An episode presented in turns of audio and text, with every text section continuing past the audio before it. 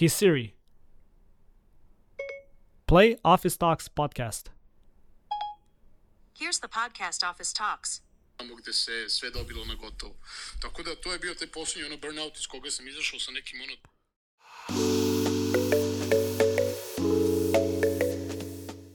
Sa nama je u novoj epizodi Ivan Jelić, jedan od autora na B92 Technopolis i direktor za razvoj i proizvod B92.net.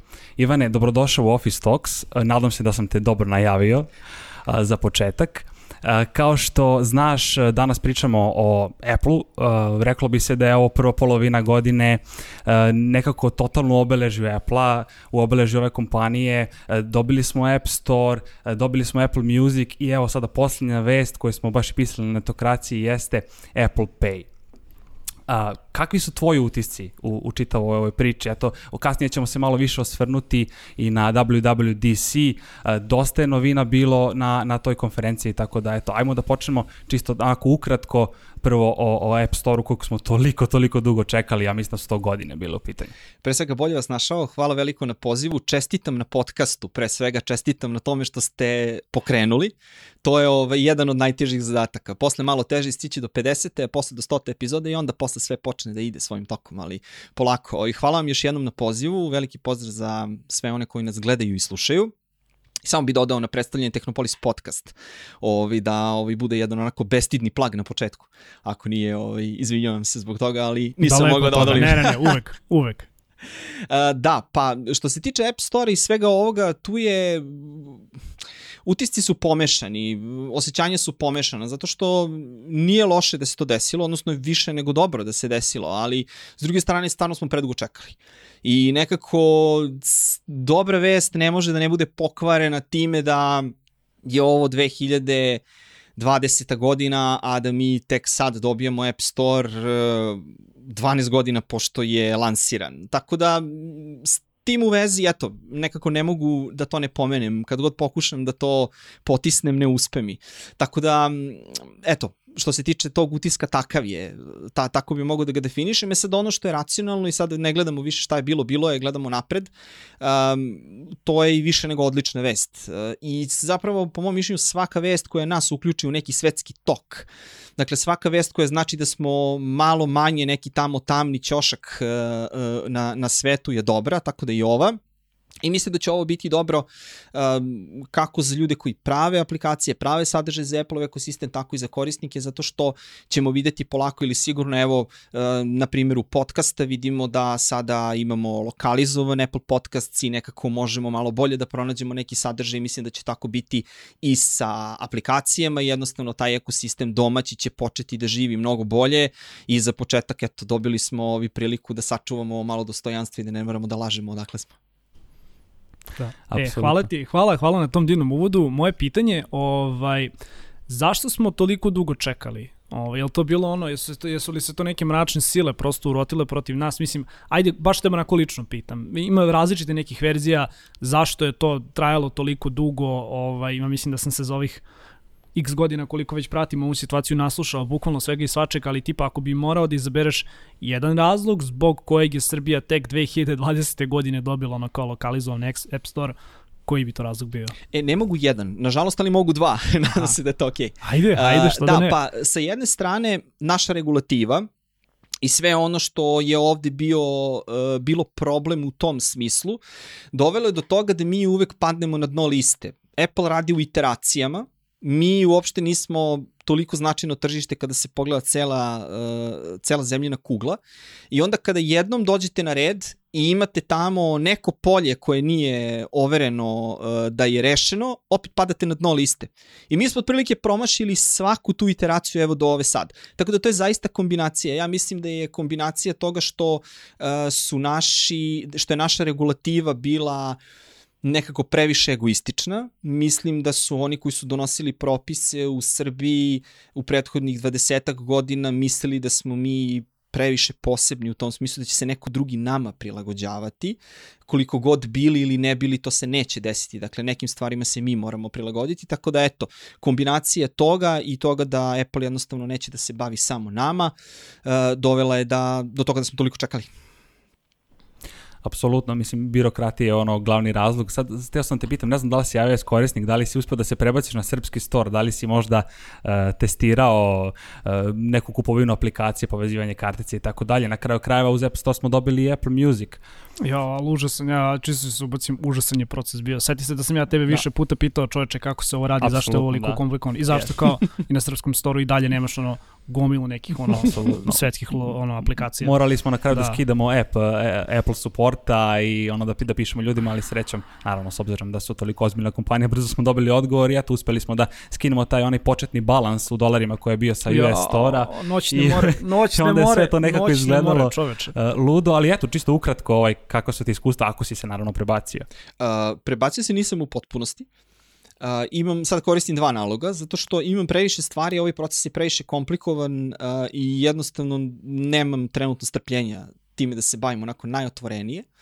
Um, tako da imam ja nalog koji koristim da vidim šta se sad dešava u, u, u- našem, u našem App Store-u, odnosno u onom delu ekosistema koji uh, mogu da koristim paralelno sa srpskim nalogom. Samo se vratim na trenutak na taj proces. Mislim da je taj proces uh, toliko dug i mukotrpan zato što se verovatno ne dešava često. Ja mislim da nisu česti slučajevi da ljudi menjaju države i kada ih promene, ponekad i ne promene opet državu u App Store-u ako se presela i opet to su redki slučajevi, nekako računate kad selite ceo život, iscima ćete se da preselite i App Store.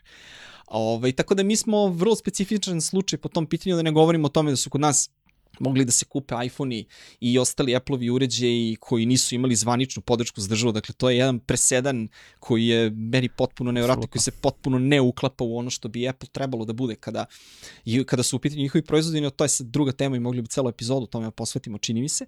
Tako da ono što je trenutno uh, problem ako nemate porodično deljenje, mnogo kredita koji ste napunili preko onih uh, kartica za pokloni i tako dalje. Uh, trenutno je problem što nekih aplikacija nema i opet mislim da je problem tu Google-ove aplikacije prednjače, čini mi se ako su umeđu vremenu uh, dok se ovo ne objavi nešto ne promeni i mislim da je tu u stvari problem, ne znam um, ko je, koji kada video kako izgleda ispod haube proces objave aplikacije, tamo ima neka lista zemalja i se možete kažete select all, a možete vidjeti pojedinačno da ih birate. E, verovatno ovi što biraju pojedinačno sad se još nisu setili da treba da dodaju ove nove. Mislim da nema drugog razloga jer verovatno Google mi opet tu u pozicijama navoda sumnjiv zato što recimo znam odmah da oni u Kini neće distribuirati svoje aplikacije, tako da verujem da ne mogu da obeleže sve i da kažu, da kažu idemo, tako da to je nešto što će, nadam se, biti promenjeno uskoro i samo nekome tamo treba da zasvetle neka lampica i neko treba nekoga da obavesti tamo da se to uradi. I onda će sve biti ok. Što se Apple Music tiče, Apple Music ne koristim. Uh, tako da, ali ono što sam čuo od ljudi koji, koji nas slušaju i koji prate ovo i od kojih dobijam povratne informacije jeste da fali dosta autora i to je sad nešto što je univerzalni problem, sad to nema ni toliko veze sa Appleom i dostupnošću Apple Musica kao takvog, već kakvi su njihovi ugovori sa izdavačkim kućama, za koje izvođače imaju prava za ove područje, za koje nemaju. Kad smo kod muzike znamo da eto Spotify je poslednji koji nam fali uh, kada je podrška za Srbiju u pitanju, tako da muzika je teška, ovaj, to vam mogu reći iz svog polu iskustva, tako da to pregovaranje o pravima, tako da to će se valjda u jednom trenutku rešiti. I mislim da je najpametniji zaključak te priče zapravo da ljudi koji već imaju uhodan sistem koji funkcioniše, ne moraju odmah da se upuštaju u ovo, mogu da puste da prođe još malo vremena da, da vide kako će e, sve da se dešava. Naravno, ako hoćete da stavite svoju karticu na nalog, naročito američke ne primaju naše kartice, u Hrv na hrvatskim nalozima nešto prođe, nešto ne prođe, koliko znam, onda je prebacivanje uh, neophodno, međutim u svakom drugom slučaju može se sačekati. Ono što je važno ovde, mislim da će svi novi nalozi biti podrazumevano na srpskoj prodavnici i to je po mom mišljenju najvažnije i taj proces će uh, se na kraju završiti tako što će većina većina korisnika uređaja zapravo stvarno biti na srpskom storu. Super, ništa, evo, krenuli smo, ovaj, ono, ja se iskreno, znaš kao, velik, velik je to bio ovaj pomak za, za čitav ovaj, ono, Apple community, pogotovo kad se setim nekih početaka.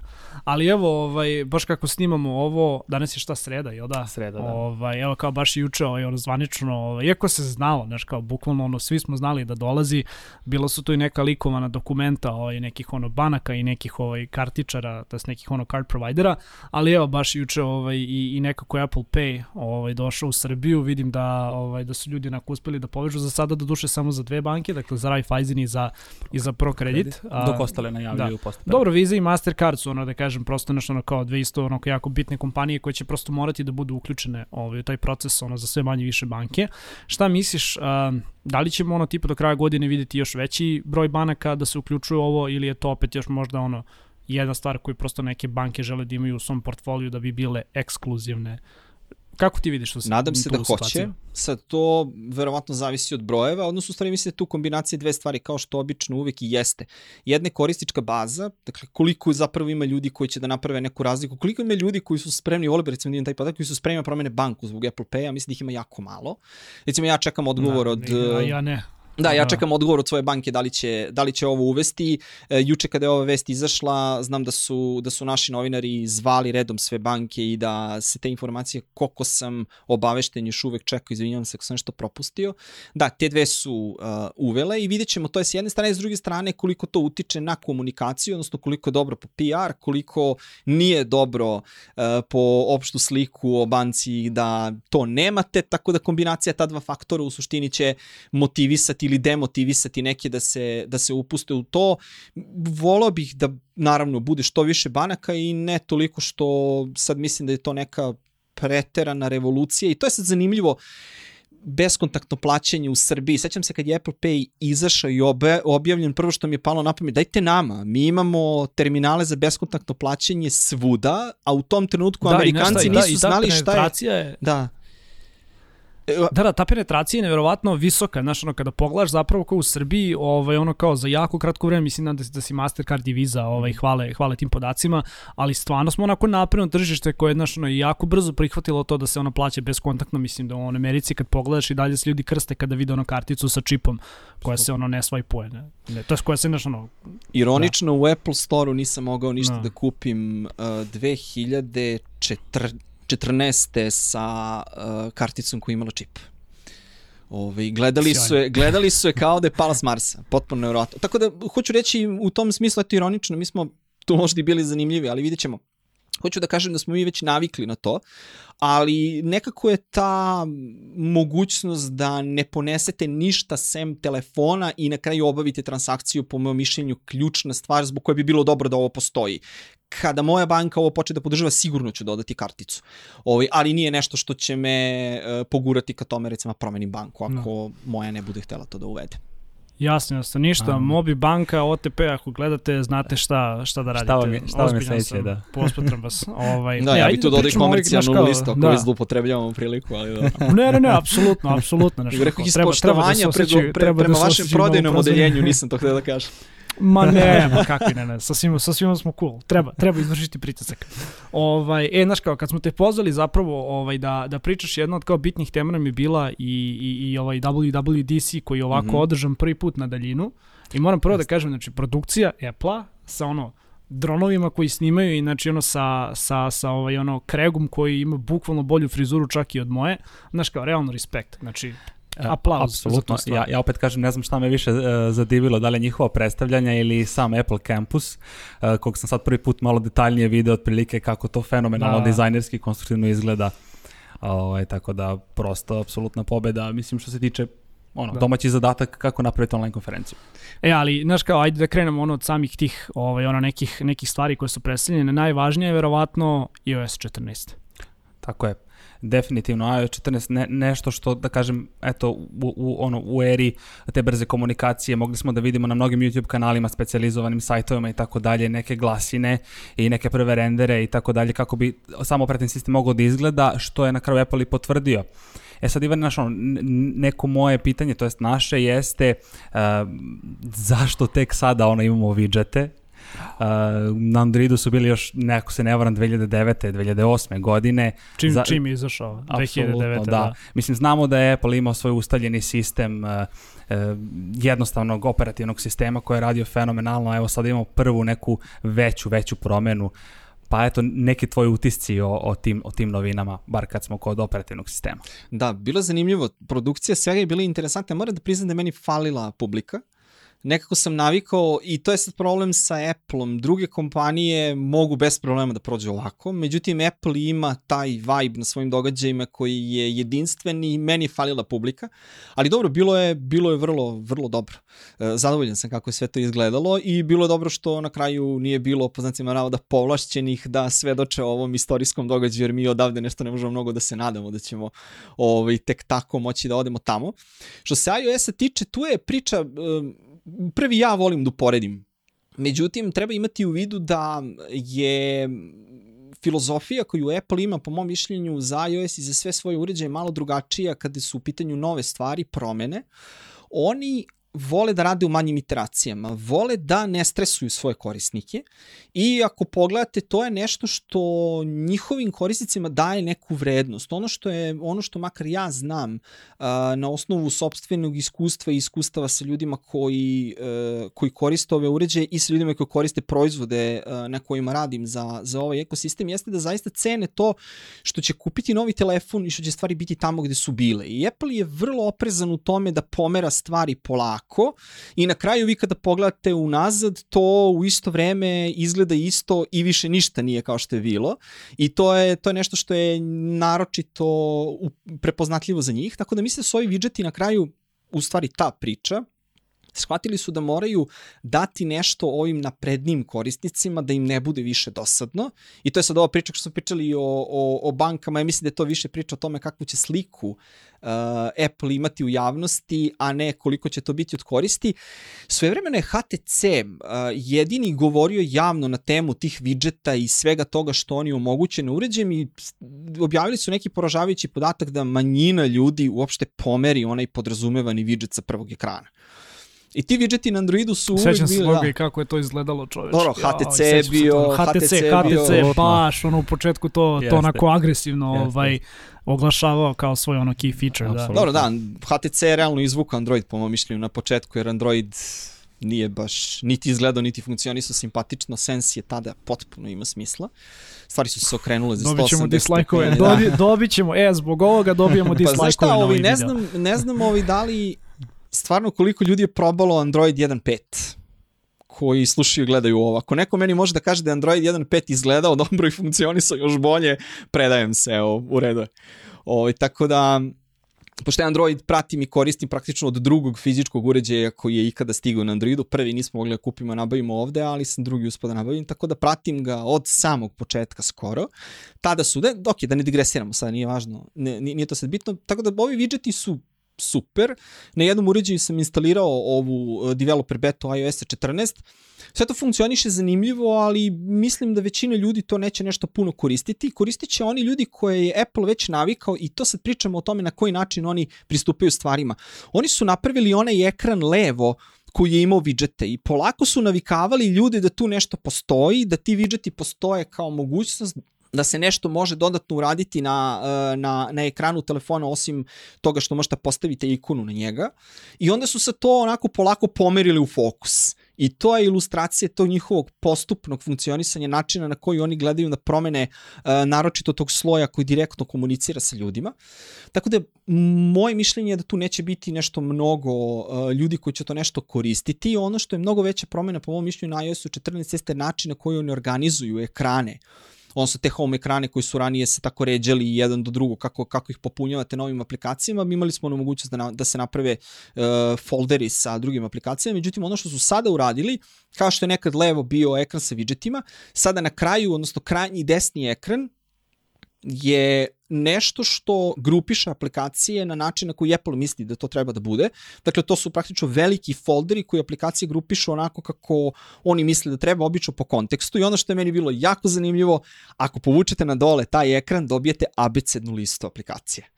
I druga stvar u vezi sa tim jeste da uh, možete sada možete isključiti druge ekrane, ove obične stare, pa recimo ako imate ne znam tri ekrana sa aplikacijama, pa četvrti uh, nadesno je ovaj sa uh, sa ovim je ovaj novi, ova prethodna dva možete da isključite i tako možete da završite sa jednim ekranom sa omiljenim aplikacijama. Ekran desno je ovaj launcher, što je sad zanimljivo kad pričamo već o Androidu, a sa leve strane je onaj ekran sa, uh, koji samo prikazuje widgete. I to je, čini mi se, najveća promena koju je uh, Springboard, odnosno taj um, glavni interfejs, odnosno interfejs uh, tog home ekrana koji, koji, sa kojim korisnici prvo komuniciraju kada uzmu telefon, to su promene najvažnije po mišlju koje on doživeo i vidjet ćemo, kao što je Apple uh, i, i kao što nas je navikao, sve ove promene su, da tako kažem, backward compatibilne, dakle neće pokvariti ništa što je već postavljeno, što su ljudi navikli, pa ćemo vidjeti kako će se, uh, kako će se sve to primiti, ne, treb, ne bi trebalo poceniti Apple marketing, uh, oni kada reše da naprave neku mogućnost i kad reše da izle, reklamiraju,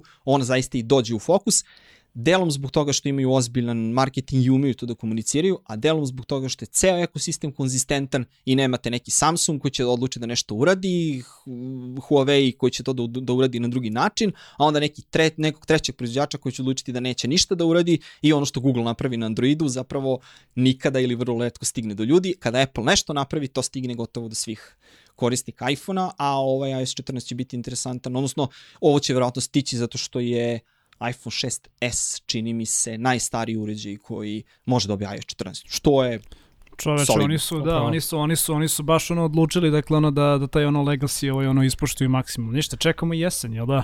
Uh, pa da, da. da, da. E, Da, mislim, može se, ko voli da se igra, ima uređaje za igranje i ima developer nalog, može da proba iOS 14 već sada, mislim da će ova javna beta biti za mesec dana, verovatno, pa bit će prilike da probamo i pre nego što stigne zvanična verzija.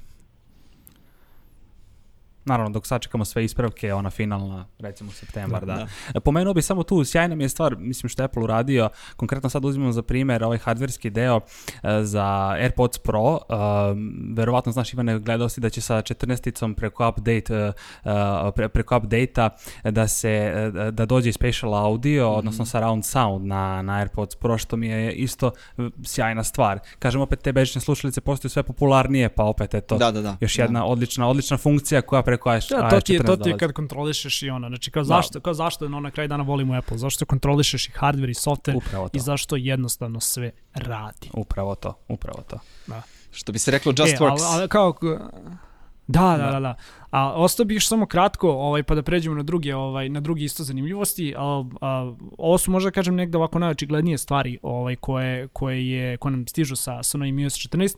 Mene zanima da li postoje još neke stvari, mislim vidim da su dosta radili nešto na privatnosti korisnika, vidim da su zapravo ovaj tu dosta dosta stvari, to je ono da kažem ono onaj deo koji je možda i bitniji ovaj za za industriju, pa jel može da nam kažeš nešto malo više o tome? Znam da su dosta ovaj da su da kažem pojačali zapravo taj deo koji se tiče ovaj a, nemogućnosti praćenja korisnika i znam da će sada uređaji da budu ono quote on quote možda još sigurniji za korisnike, ali kao i dalje mi ono nije jasno zapravo šta se tu dešava. Možeš li nam objasniti?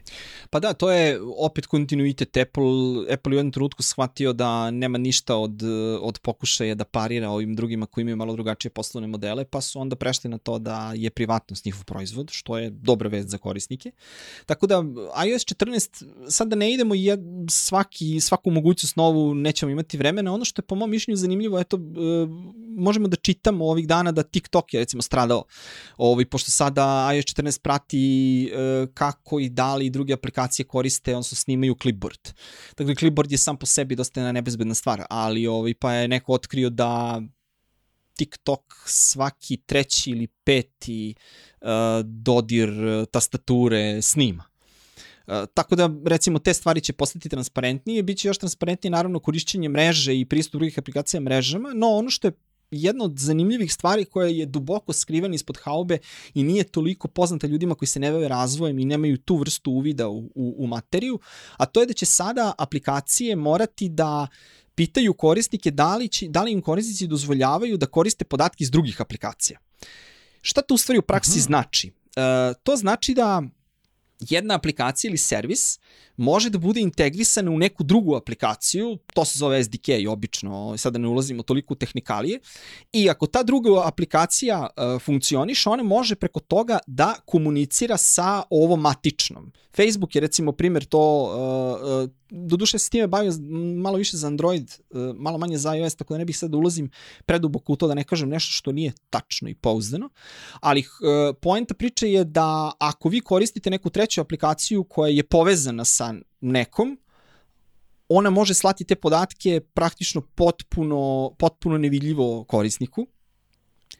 E sada će ove matične koje se tako rašire po drugim aplikacijama putem svojih SDK-eva ili kako već morati da pitaju korisnike, e, da li nam dozvoljavate da neka druga tamo aplikacija uh, vaše podatke koje koristite u njoj, uh, za koju nemate pojma da je povezana sa nama, ovo ja dodajem u zagradu, može, uh, može da šaljete podatke, da li mi možemo da ih koristimo. I mislim da je to jedna jedina mogućnost zbog koje po mom mišljenju nema smisla kupiti Android uređaj sve dok ne uvedu isto i vidjet ćemo kako će se to ponašati u praksi, da li će se aplikacije prilagoditi. Naravno, ovo će biti dosta ozbiljno, ozbiljan problem za sve one koji te podatke koriste za reklamiranje, profilisanje korisnika i tako da je tako da tu priču znamo. U svakom slučaju mislim da je važna i mislim da je to jedna od stvari koja onako prolazi blago ispod radara, a bit će dosta bitna u, u, u celom tom kontekstu zaštite privatnosti korisnika, odnosno transparentnosti svega što se dešava u vezi sa podacima i praćenjem ljudi. Kapiram. E, jedna stvar koja ne prolazi definitivno ispod radara, kao 2020. je godina, korona, prvi, drugi talas, više ne znamo ni sami. Na kraju dana, evo i ovaj intervju koji smo negde zamislili, to je ovaj razgovor koji smo negde zamislili da bude uživo, je ipak mora da bude snimljen na daljinu. Ali da, u smislu kao stvari koje makar u okviru ovog WWDC-a nisu prošle ovaj neopaženo, to je naravno i Watch OS, dakle novi Watch OS. Da. A kao nas generalno dvojica ne koristimo ono Apple Watch, smatram da je cool proizvod, ali ono što mi negde najviše možda ovaj skrenulo pažnju jeste to da ćeš sada ovo imati automatsku detekciju kada pereš ruke, da, ovaj timer koji otkucava 20 dakle. sekundi, što mi je onako totalno, totalno meta ovaj, u, u trenutnoj situaciji. Nešto eventualno što je tebi ovako privuklo pažnju kada, kada su wearables Apple-ovi u pitanju, što bi volao da podeliš sa nama? Moj utisak je samo da Apple i dalje povećava tu prednost u odnosu na sve druge kada su u pitanju ti, ti uređaji i pričali smo i o slušalicama, pomenuli ste, pomenuli ste slušalice, mislim da se slušalici i sad zapravo deo te, zapravo ljudi čekaju Apple-ove naočari da bi Apple po, zvanično ušao u AR. Međutim, ja mislim da su oni već mali, mali mikrokoracima već tu. Dakle, te slušalice koje su sve pametnije mogu da urade sve više stvari. Sad koji te senzore koristi i to smo videli, videli smo demonstraciju toga šta sve ti senzori mogu još da urade za nas. Uh, dobro, naravno, ta tema za nas nije toliko interesantna zato što eto, fali nam, fali nam sat. Sat nije zvanično dostupan na ovom tržištu, tako da ja sam jedan od onih koji još uvek koristi svoj Series Zero još uvek radi, ovaj neće da otkaže, tako da što bih, ja, što bih se ja tu mešao, bilo šta, ali bilo bi dobro da stigne kod operatora i kada budemo imali sad kod operatora mi ćemo zapravo dobiti njegovu punu upotrebnu vrednost zato što onda zaista počinje da bude sve više slučajeva kada nam telefon više uopšte nije potreban. Te slušalice o kojima smo pričali možete upariti direktno sa satom, on ima mobilnu konekciju, i jednostavno polako ali sigurno se to iskustvo koje smo ranije vezivali za jedno parče stakla u koje gledamo sve vreme, ono se polako uh, širi na više različitih uređaja i u više različitih scenarija uh, su neki drugi uređaji bolji i mislim da Apple utvrđuje tu priču onako jako dobro Watch OS 7 i u svemu čemu Apple Watch bio dobar sada još bolji i to je po mom mišljenju njegova ključna prednost jer zaista konkurenciju imam utisak da nema ili je makar nema tako dobro organizovano. Da, mislim, apsolutno znamo da u čitavom Apple-om ekosistemu prosto svi uređaji su fenomenalno povezani, da, da tu jednostavno grešaka nema, da, da Apple Watch jednostavno sve više postaje nekako napredniji uređaj, e, što Apple pokušava da uradi sa iPadom sa iPad Pro modelom koji je prosto postao neki prenosni laptop računar. Njihova ideja je, ako se ne varam, prosto da naprave jeftiniji Mac. Pa da Mac da, bude onako... Šta, da, mislim, znaš kako, evo, mislim, pitaćemo i tebe svakog Ivana, ali ja, ja, znaš ono, ajde, ne, kao ove godine niko nigde nije putovao, tako da ne, mož, ne možemo da kažemo kad putujem, ali na primjer prošle godine sam ovako ono i, i, bio malo dalje ove, one, van Evrope i znaš kao, jako je velik broj ljudi koji više ne nose ovaj, ono nekakav MacBook Air, MacBook Pro ili šta god, već znaš, to su ono kao biznis ljudi koji sve svoje posle završavaju na iPadu, ono, i izvode onu tastaturu i to sve, mislim, znaš, to su neki ono možda vlažni snovi Microsofta sa, sa Surface ovaj, ono kao računarima, što da, se na kraju pokazalo, pa da, da, što se na kraju pokazalo da naš kao ono, hej, kao, ono, i Microsoftu je to krenulo za rukom, krenulo je negde, negde i Apple-u.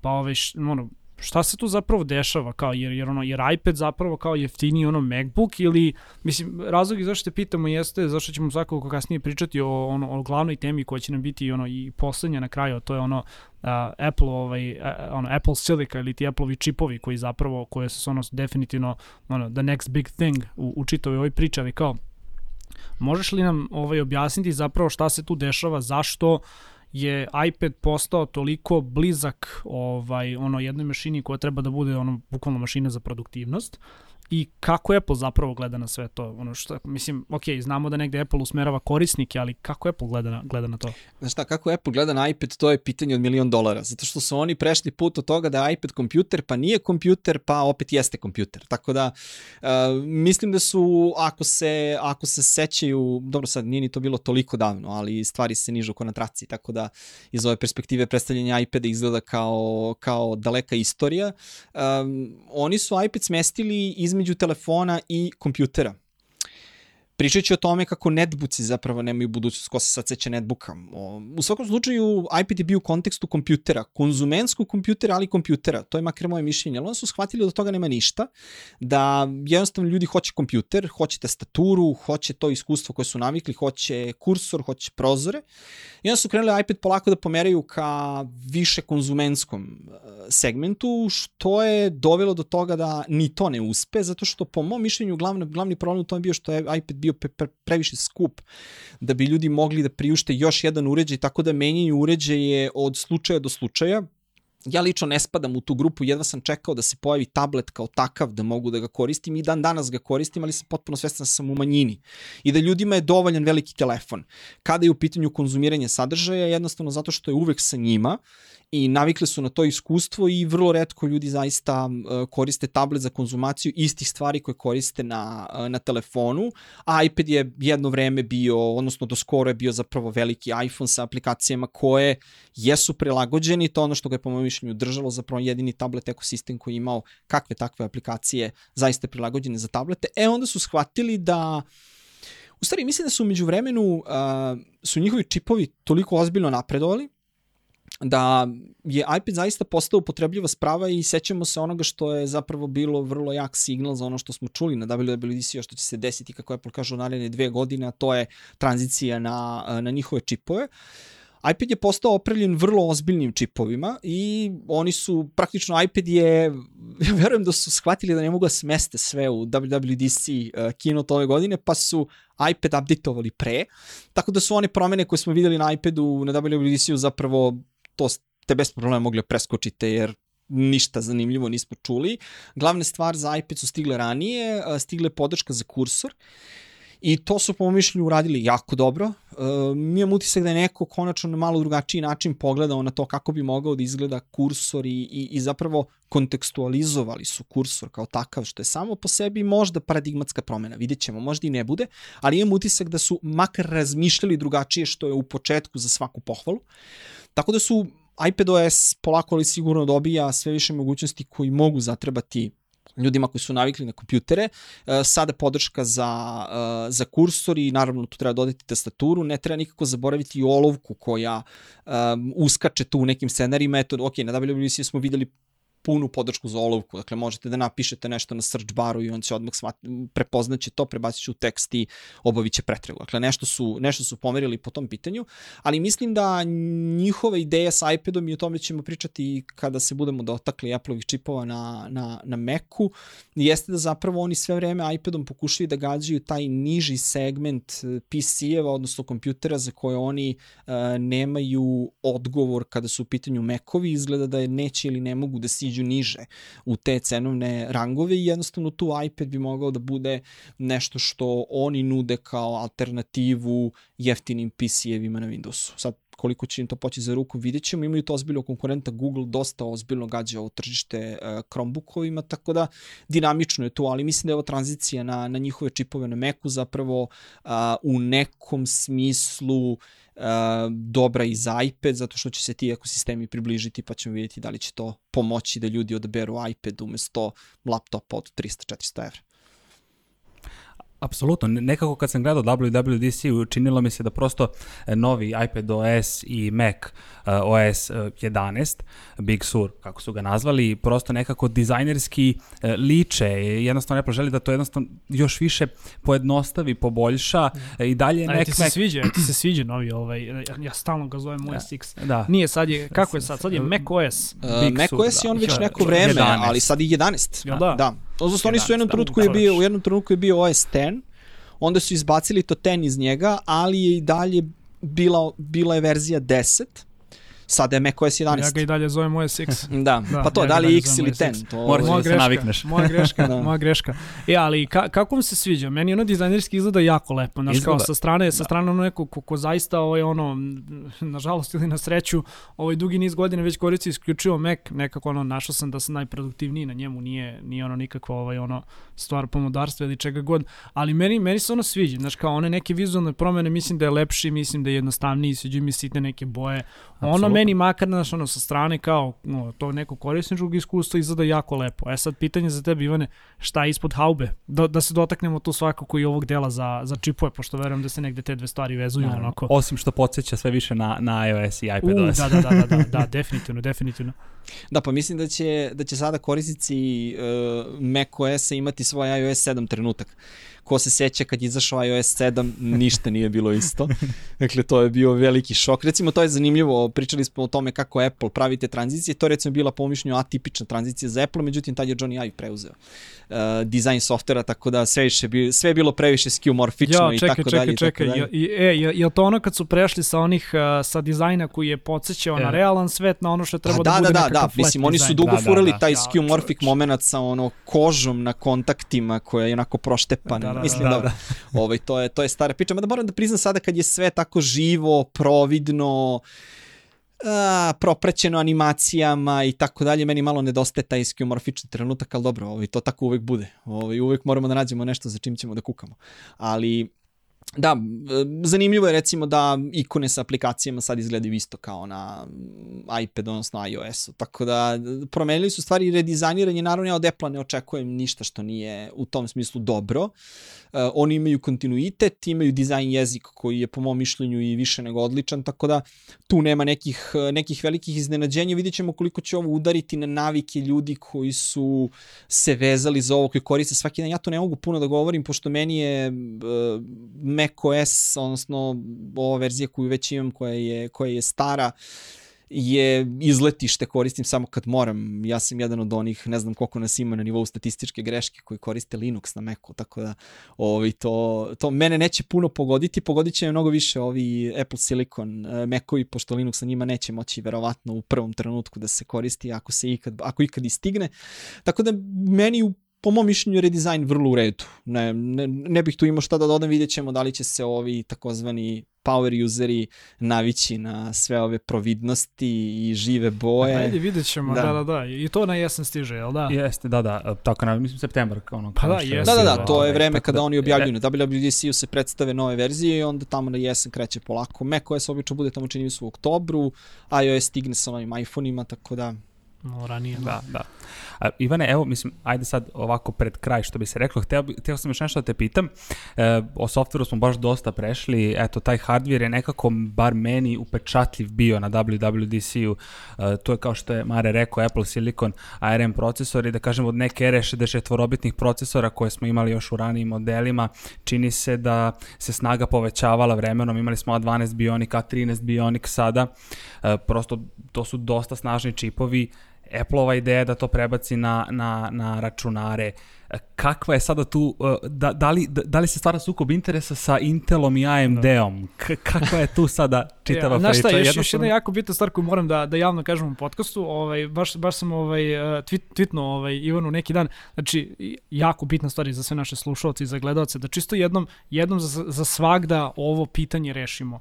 Dakle, Apple Silica se na srpski jezik prevodi Apple Silicium. Silicium, Nije naravno. silikon. Silikon se ugrađuje u nešto drugo, Naravno. silicijum se ugrađuje u čipove, je li Naravno. tako Ivane? Da, da, mislim, prevod silikona je silicijum, tako da silikonska dolina nije u stvari silikonska dolina, nego silicijumska dolina, dolina, nego silicijumska moj. dolina.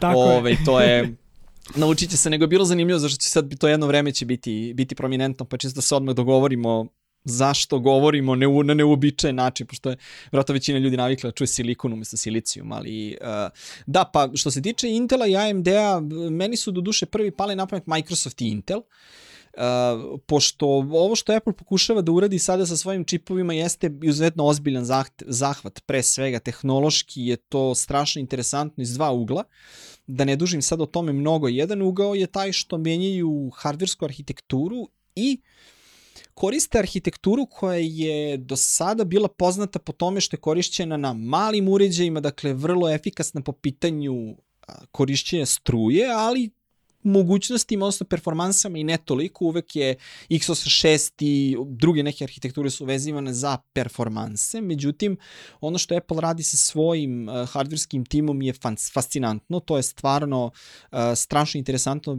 gledati i vidit ćemo kako će sve to da izgleda. Meni je bilo zanimljivo da su i kad smo pričali o iPadu, uh, sve što su prikazali na WWDC-u i ovi developer kitovi koje šalju ljudima koji sada moraju da rade na aplikacijama su zapravo na A12Z procesora, kljuta procesor koji je ušao u poslednji iPad Pro. Znači oni su bukvalno uzeli čip koji je u, u iPad Pro i stavili ga u Mac mini kućišti kao evo vam pa razvijajte aplikacije. Da. Tako da, Igrajte se, da. Da, da, tako da iz tog ugla, iz tog ugla Apple ima, megapiksela. Uh, Apple ima ozbiljnu pamet uh, uh, unutar sebe kad je u pitanju razvoj hardvera, videli smo šta rade tamo i ono što je meni tu interesantno ne samo da menjaju arhitekturu kao takvu što uopšte nije jednostavan posao, nego da će i tu ARM arhitekturu za koju oni se tu je uvijek pitanje zašto oni naravno ne komuniciraju ARM, to to, to se od njih neće čuti, uh, a i Apple ima tu licencu koja zapravo omogućava unapređivanje same arhitekture. Dakle, Apple ima licencu za ARM koja ima najšire moguća, najšire moguće dozvole, tako da veliko je pitanje šta su oni sve tu izmenili, bazične instrukcije se poštuju, ali sve ovo okolo što Apple radi je uh, potpuno druga priča.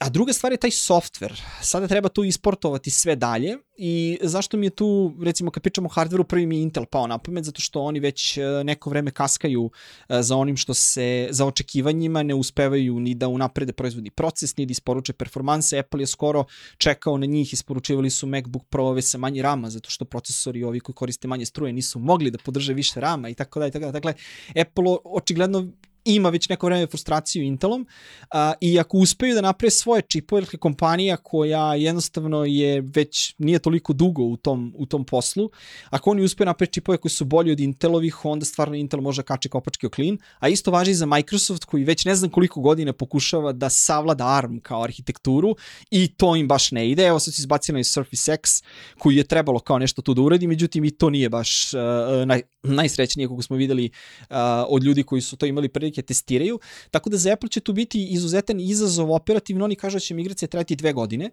A, ruku na srce migracija na Intel je prošla u redu, dakle migraciju na Intel su uradili i pre roka, što bi se kod nas popularno reklo.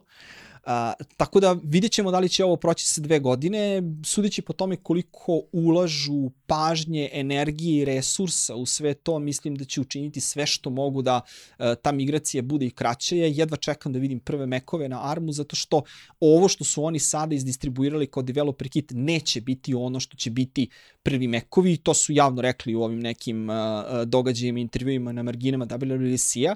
Dakle, na jesen nas očekuju verovatno kako otprilike se, se se pretpostavlja jedan MacBook Pro i jedan iMac koji će biti na Apple-ovim čipovima i jedva čekam da vidim kako će to izgledati zato što a, mogućnosti koje je Apple sebi otvorio time što kontroliše ceo proces koristi nešto što je sistem na čipu, dakle ne uzima a, komponente sa police i pokušava da ih složi, već može sam da složi taj mozaik, te mogućnosti sada koje Apple ima a, su, su strašno interesantne i omogućit će im da se ozbiljno diferenciraju po mišljenju ako posao urade kako treba. Ništa, živi bili da, pa videli, da. Apsolutno, da. Ivane, da, da. hvala ti puno što si danas bio sa nama. Ovaj stvarno onako zadovoljstvo je ovaj uh, diskutovati sa tobom, a piti Boga koliko se već dugo ovako pratim i znamo sa Twittera nadam se da kad prođe čita ova situacija da ćemo moći sesti, ono, da sednemo, popijemo ovaj, neku kafu, neku pivo, pa da, da rastimo ovu diskusiju. Za U nekoj naše, stotoj epizodi. Stotoj epizodi, da, čoveče. Ja se, nadam, ja se nadam da ovo toliko neće trajati. A, tebi još jednom hvala a, za sve naše gledalce, slušalce, like, share, subscribe, pratite nas na našem a, YouTube kanalu, pratite nas na a, Apple podcastu, naravno, na Google podcastu, na Pocket castu, na svim nekim ono raznim, imamo čak i na Spotify, znači tu smo da, ko da, raste, da. raste, raste ali ovaj, šalno strano, pratite nas na svim tim nekim raznim kanalima, naravno pratite Ivana na Twitteru, a, at Ivan Jelic, ako se ne varam, jel ne, da? Nije, Jesam at, to dobro rekao? At ili? Escape nije. to Freedom, da. E, onda ja se izvinjavam. Dobro, moram ja nekada da pogrešim. Dek smo slobodu na Pratite engleskom. Ivana da. na Twitteru, naravno, pratite Ivana na Twitteru, pratite naravno Technopolis, ovaj podcast čiji je Ivan autor. Da, inače mi Toliko snimamo nas iz 100. ove epizodu, epizode. Evo, uskoro, tako A da. onda A, u to ime u to jedan ime aplauz čestitke. ovaj, s, naše, s naše strane. A, svakako se ovaj, a, čujemo, gledamo dalje. Ivane, tebi još jednom hvala. A, dragi Hvala, slušalci, Ivane. gledalci, vidimo se naredne nedelje. Hvala vam Ćao. mnogo na Ćao. pozivu. Pozdrav svima.